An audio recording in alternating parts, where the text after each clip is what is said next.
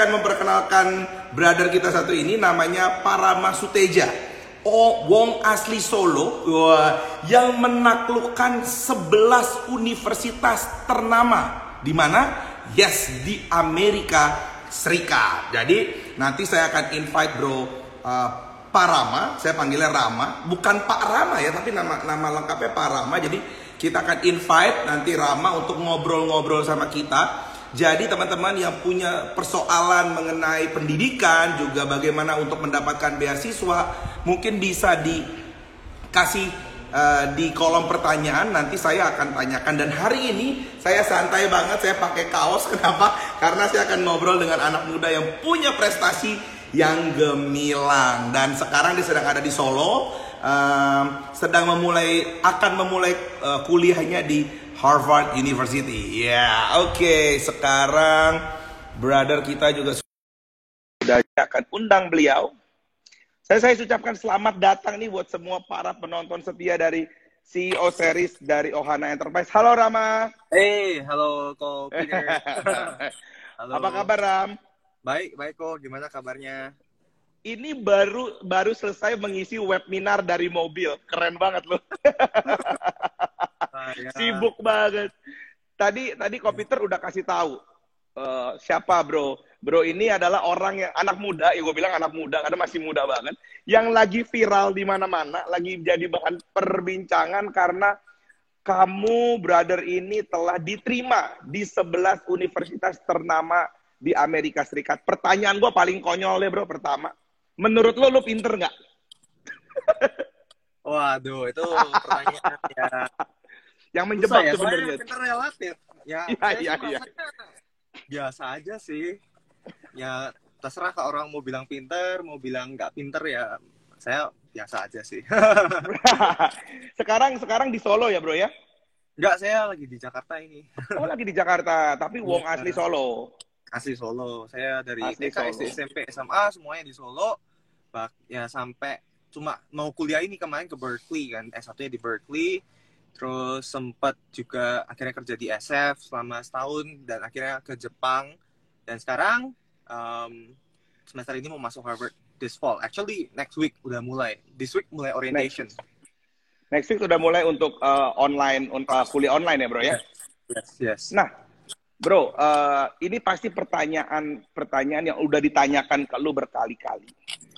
Kok bisa kok bisa? Lu menaklukkan 11 kampus ternama. Ada ada Harvard ada banyak banget lah tuh tadi list-list namanya yang yang semua kampus-kampus kan top nih kata teman gua. Kebetulan uh, ada teman gua juga yang lulusan di situ dan dia bilang gila gua ngetes satu aja susah banget. Ini anak bisa diterima di 11 universitas. Nih ini otaknya terbuat dari apa bro? Gimana bro ya otaknya sama lah sama-sama manusia. Well, um, ya banyak orang tuh sering tanya kan, kok wah kok bisa ya masuk 11 gini-gini. Sebetulnya uh, kuncinya tuh satu kok. Jadi kalau mau diterima di kayak sekolah seperti itu, kita itu kuncinya adalah menjadi individu yang um, berbeda. Intinya individu yang berbeda. Yes, be different in a positive way. Maksudnya gimana? Kalau kita menjadi kandidat yang sama aja kayak orang lain. Misalnya yang daftar anggap aja ada sepuluh ribu orang dan kamu ya. itu average atau kayak tidak ada bedanya sama orang lain. Ya buat apa mereka tuh nerima kamu gitu loh. Nah exactly. jadi kalau kita daftar itu bukan kita uh, minta atau mengemis-ngemis supaya diterima tapi gimana kita itu bisa memberikan value ke universitas itu. Jadi kayak istilahnya tuh universitas tuh mau tahu kamu kontribusi apa ke aku daripada kayak mereka tuh bukan kontribusi ke kamu tapi kamunya ya kamu bisa apa ke aku gitu loh kalau kamu bisa ya. memberikan value untuk universitas itu ya mereka mau gitu loh hmm, gitu. hmm. Bro, bro kan tadi saya sedikit baca resumenya soal bro ini kan bro diterima di uh, banyak kampus nih bro. Terus dari sebegitu banyak kampus, boleh tahu nggak bro? S1-nya waktu itu ngambil apa ya bro ya? Aku ambil architecture dengan minor di history and theory of landscape architecture and environmental planning wah minornya panjang tapi intinya kayak um, mm-hmm. environmental planning and landscape architecture dan arsitek juga gitu. Terus eh, sekarang untuk masternya brother ngambil apa di Harvard? Saya ambil architecture di Harvard. Oke, okay. bro dengan segitu banyak lu diterima sebenarnya orang pasti tanyanya gini lu tuh cita-citanya mau jadi apa pebisnis kah atau lu mau jadi guru apa dosen atau lu mau mau jadi apa sih seorang Rama ini yang uh, hari ini lu di YouTube lu juga aktif lu banyak isi seminar. Lu mau jadi apa sebenarnya bro? Ya itu pertanyaan yang besar ya. As in pertanyaan yang kayak wah what's the this is like the biggest question mau mau apa gitu ya. Iya iya iya. Kalau ditanya well kalau mau jawab generalnya aku tuh eventually ingin jadi orang yang bahagia istilahnya gitu loh. Maksudnya bahagia ketika apa? Misalnya ketika dengan aku bisa membantu orang tuh orang lain. Nah bantu orang lain dalam bidang apa? Nah aku kan selama ini bayangin kalau aku tuh dalam dulu pengen jadi arsitek yang sukses titik gitu kan. Padahal ya. ternyata dalam kehidupan itu lebih dari itu gitu loh. Um, aku merasa jadi arsitek sukses pun tuh kamu kalau udah jadi sukses pun abis itu mau apa? Nah yang ya. sekarang aku mau apa itu bukan kayak karir sukses tapi lebih ke kayak gimana aku bisa berdampak buat orang lain. Maka dari itu aku bukan cuma ingin membangun sebuah bangunan istilahnya tapi membangun manusia juga. Makanya maka dari itu this is why I started my YouTube channel why I yep. I did all the webinars. Walaupun ini juga kan uh, menghabiskan waktu. Maksudnya bukan kan aku harus kerja terus tambah ini nah tapi ya. dari sini pun aku enjoy karena di sini aku merasa aku bisa bermanfaat buat orang lain aku bisa membantu orang lain dan di situ it gives me pleasure yang seneng gitu jadi hmm. intinya aku bukan cuma mau membangun secara fisik tapi juga aku pengen membangun orang-orang juga you want to build uh, people ada di people di dalamnya ya bro ya yes, yes.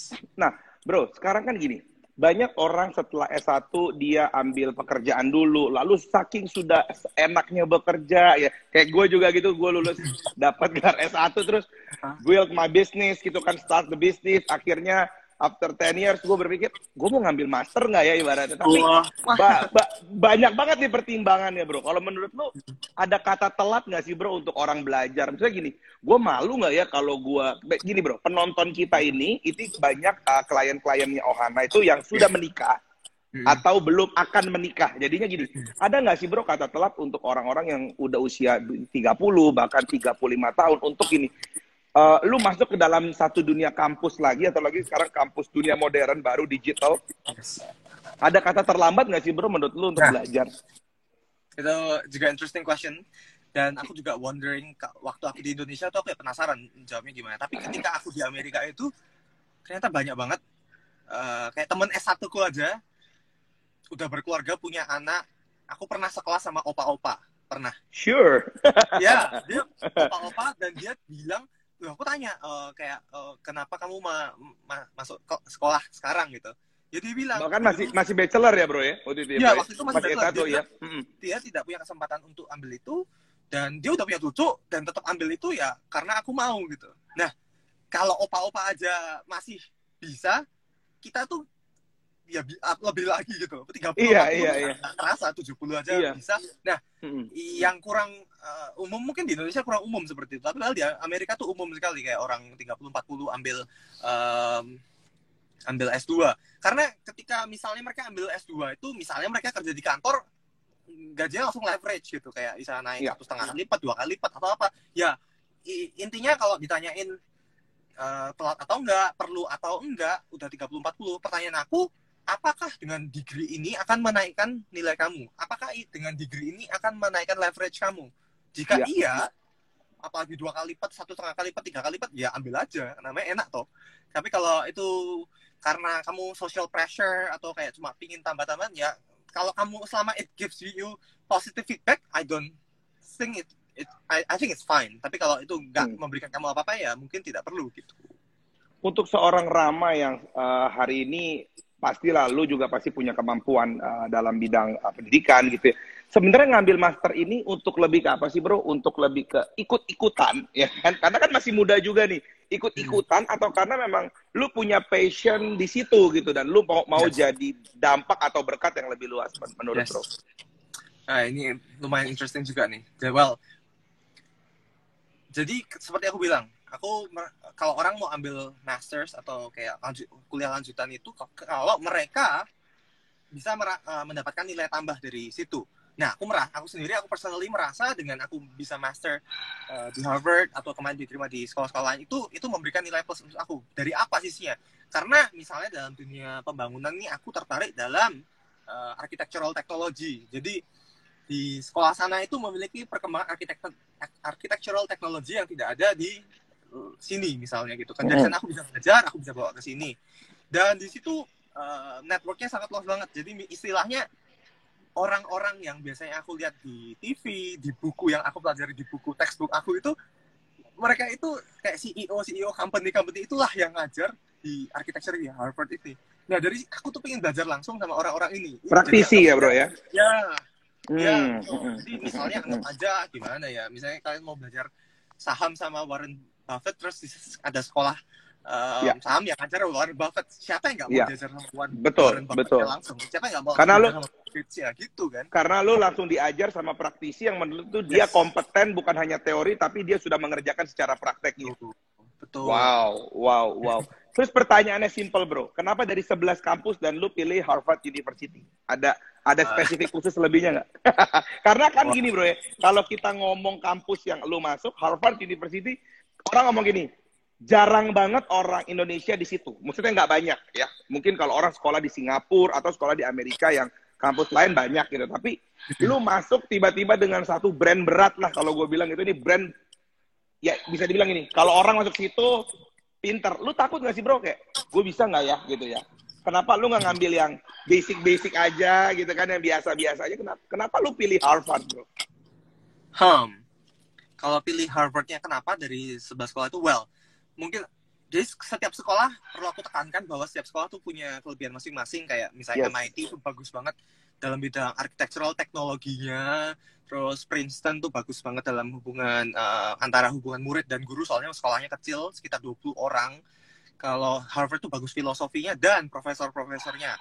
Nah dari sisi aku kebetulan waktu aku S1 kemarin tiga dari empat studio profesor aku tuh lulusan Harvard semua. Jadi secara tidak langsung my design value, the way I design, um, are heavily influenced by Harvard alumni. Jadi cara aku berpikir desain apa apa itu sangat terbentuk dari orang Harvard.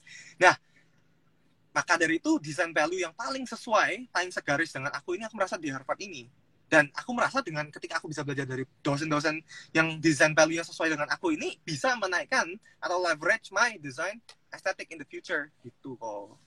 Oke, oke karena you have a reason untuk untuk ambil uh, ambil apa ya masternya di situ ya bro ya. Yes. Tapi kan sekarang online nih bro, tiba-tiba kan brother harusnya pergi ke Amerika dan online. Yes. Terus gimana bro menghadapi udah kampus lu susah, sekolahnya online pula lagi. Apa aja yang lu udah siapin untuk menyambut era new normal dalam pendidikan dan ini bukan kampus biasa-biasa tapi kampusnya memang kita bisa bilang ya bahasa awam ini ini kampus susah nih ibaratnya nih bro. Hmm, betul. Hmm, ini, ini aku juga sambil on on the journey of being uh, on- Iya iya iya. ya. Nah, well, ini kemarin aku juga sempat mikir apakah mau defer dulu setahun kayak nunggu kondisi. Tapi masalahnya ini programnya tiga setengah tahun kok. Kalau aku defer lagi jadi empat setengah tahun nanti lulusnya, which is udah tua. Iya. Nanti kapan nikah? Bener bener bener. Bener. ya kan? Nah, well oke anyway um, terus mereka juga bilang kalau kamu nggak bisa defer kalau kamu mau defer kamu harus uh, cancel acceptance letter kamu dan scholarship kamu. Nah aku nggak bisa kan? Maksudnya kayak masa daftar lagi nanti kalau nggak dapat scholarship gimana gitu kan? Jadi I, I'm just gonna take it. Terus aku kemarin sempat tanya juga ngobrol sama kakak kelas aku. Aku juga punya teman-teman di Harvard sana. Jadi aku tanya gimana kondisi belajarnya sana? Mereka bilang em, nggak terlalu masalah masalah cuma misalnya kita arsitek bikin maket ya sekarang nggak bikin maket gitu aja Hmm. Hmm. jadi aku bersyukur banget eh, pandemi ini tidak terjadi lima tahun lalu kalau zaman Nah, dulu waktu masih ya Iya. masih bachelor ya bro ya. masih bachelor eh, masih pakai mungkin eh, 10 tahun lalu masih pakai BlackBerry gimana kok ada Zoom nggak ada iya nggak ada iya, Instagram iya. Live susah banget Eh, nah ini udah ada Zoom udah mereka tiba-tiba menggunakan teknologi bermacam-macam ini jadi cukup efektif jadi tahun Iya, lalu ini iya. semester lalu kan mendadak tuh mereka harus online dadaan kan itu katanya cukup efektif kayak Mhm. 80% sampai 90% bisa tercapai 10 persennya mungkin uh, yang kurang tercapainya itu. Nah, itu aja mereka baru dadaan kemarin tahun lalu. Nah, Iya. semester ini mereka udah siapkan dari summer kemarin sampai sekarang. Mereka berkata bahwa mereka sudah menyiapkan segala macam ini dan mereka sangat optimis bahwa uh, pendidik mereka akan deliver the best uh, education juga kepada kita. Jadi aku juga cukup optimis dengan pendidikan ini gitu. Iya. Bahkan Iya. uh, ini menarik sih kok. Kemarin kayak mereka biasanya itu kan kayak satu profesor ngajar satu murid. Tapi karena pandemi ini mereka bahkan sampai bikin modul tuh bisa dua profesor ngajar satu murid. Jadi kita bisa belajar dari dua orang keren gitu loh istilahnya. Iya, iya, iya, iya. Tidak bisa terjadi kalau ini offline. Normal, Nah, offline betul. Iya. Jadi Justru yang ada positif- ada benefit-benefit yang tetap didapat lah, Bro ya. Memang betul. meskipun nggak semua tapi ada benefit lu bisa mendapatkan lebih banyak uh, guru lah ibaratnya gitu ya untuk lu Bisa. menimba ilmu. Yes. Bro, ini pertanyaan basic buat semua orang yang kuliah di luar negeri. Begitu lu tadi lu bilang selalu ngomong untuk menaikkan lu gitu kan, lu bisa dapat uh, salary lebih besar dan segala macam pastinya karena lu punya pengalaman, lu punya pendidikan yang baik. Pertanyaan gue gini bro, lu mau pulang nggak ke Indonesia ketika lu sudah menjadi seorang master di bidangnya? Atau lu mau berkarir di luar negeri? Gimana bro? Um, kalau jawab pingin balik juga. Tapi aku belum tahu apakah misalnya aku di sana mungkin kerja setahun dua tahun atau lima tahun terus balik Indonesia, apakah lulus langsung balik juga belum tahu. Tapi Mhm. aku lumayan cukup positif bahwa aku akan kembali ke Indonesia. Karena, well, I love Indonesia, I love being in Indonesia. Kayak aku lahir dari kecil sampai sekarang udah berapa belas tahun atau 20 tahun ini kan di Indonesia. Jadi eventually aku pingin balik sih kok. Terus kalau di sana Iya. aku rasa ya mungkin ah, dari Hmm. pengamatan aku eh, kalau di sana kalau mau kerja jadi karyawan enak di sana besar. Mhm. Tapi kalau buat usaha dari nol, If you want to tidak. make business, uh, susah ya, bro, ya? Sebagai, ya sebagai, sebagai Ya. international people uh, tidak segampang. Iya, iya, iya.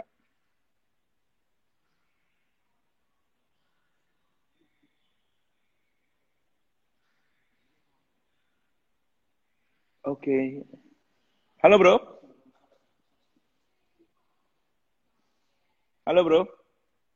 Em, nampaknya tak agak agak sinyalnya sinyalnya Bro Rama ter, agak terputus. It's okay, it's okay. Coba eh, kita akan coba sambung sebentar. Mungkin beliau sedang sinyalnya ada sedikit gangguan. Karena kalau dari handphone dari kita it's okay ya. Tadi keren banget ya seorang anak muda dengan usia yang masih relatif muda tapi punya undang beliau lagi untuk join lagi bersama dengan kita. Oke, tadi sempat tertunda dan let's kita undang Pak Rama. Iya. Dia keluar dulu nampaknya. It's okay. Teman-teman semua tadi kita sudah dapat eh, apa ya saya bilangnya eh, kajian-kajian yang luar biasa buat teman-teman semua yang sudah menunggu ya. Oke, oh Pak Ramanya juga udah udah ini lagi. Kita akan undang dia lagi untuk bergabung bersama dengan kita. Mungkin sinyal lah ya. Itu udah biasa di dalam live, bro. Oke, udah udah nyambung lagi. Udah jelas, bro? Halo. Masih putus-putus atau enggak nih? Oke, udah udah udah oke Udah sih oke. dari dari gue sih dapat udah oke. Udah oke, udah oke. Oke. Ah, tadi boleh di, di- dilanjutin nggak bro? Tapi tapi gini bro, Eh, punya pertanyaan juga gini. Eh, untuk orang yang punya pendidikan, ya sering juga mendapatkan eh, stigma bahwa oke lu boleh pinter, tapi lu belum tentu lu bisa mengaplikasikannya di dalam dunia kerja sehari-hari atau lu cuma pinter teori doang.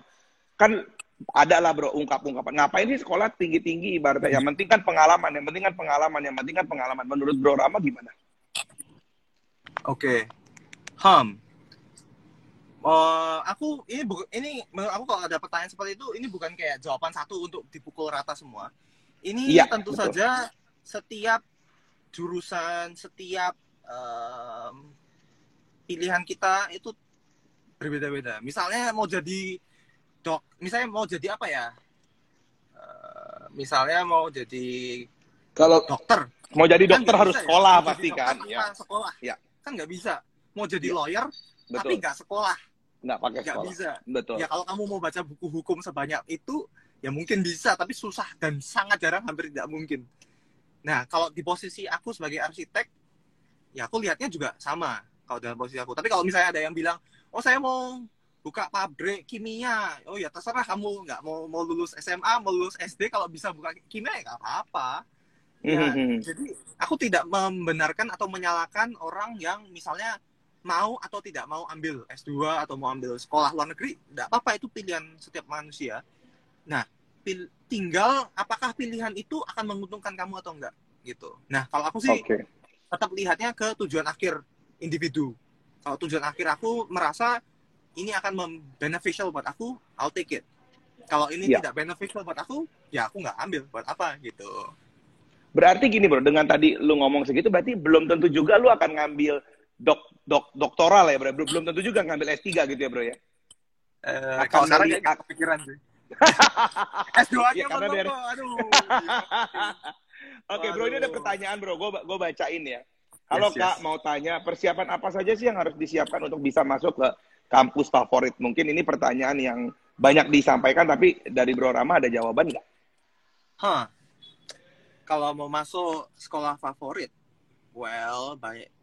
Well, kalau dita kalau ini, hmm, well yang paling utama yang basicnya kan harus pasti ada ya TOEFL, GRE, dan lain-lain tuh harus banget.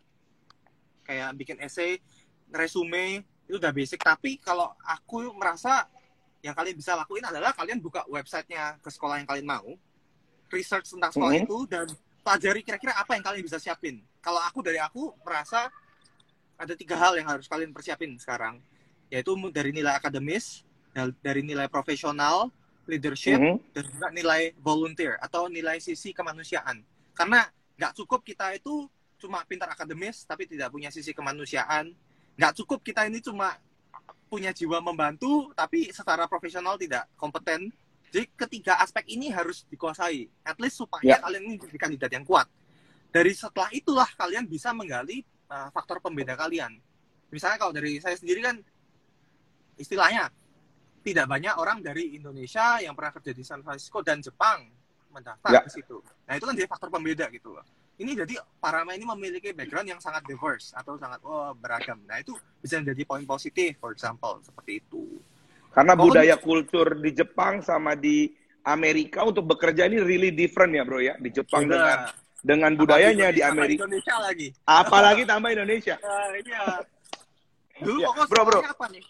Dulu saya apa? ko- komunikasi, komunikasi.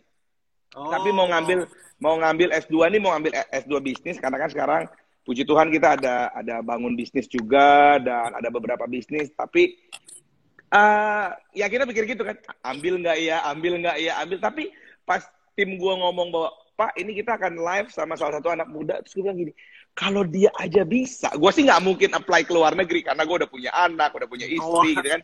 Udah ada bisnis ya. Bisnis bisa di kan sini. jadi tapi ya mungkin kalau gue ambil juga di di di sini apakah malu nggak ya gue gitu? Maksudnya Hmm. tapi nanti ya tapi tapi bener juga pendapat lu bahwa never to to to old lah untuk belajar. Bahwa 70 tahun aja orang masih Masih bisa. bisa untuk ngambil gitu kenapa gua Betul. enggak yang lebih muda itu sih itu Betul. sih bisa bro right, ya. tapi gini bro lu lu ada nggak sih bro kayak pikir gini gue kuliah atau nyokap gue kuliahin gue di luar negeri di Amerika terutama untuk gini bukan sekedar hanya untuk menimba ilmu tapi supaya lu dapat relation atau lu dapat apa ya dapat dapat pertemanan dengan dengan orang luar yang nantinya bisa bikin lo tuh one day lu jadi orang-orang ternama contoh karena gini ya gue suka bacanya baca Sandiaga Uno terus gue juga Hmm. ada mantan-mantan menteri yang satu grup Yes. Erick Thohir mereka kan dari grup-grup Amerika.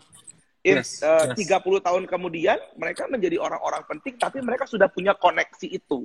Ada nggak sih bro dalam dalam Yes. lu bahwa gitu? Gue bukan cuma cari pendidikan, gue cuma bukan cari gelar, tapi gue juga cari koneksi. Bener nggak sih kayak gitu pak? Yes.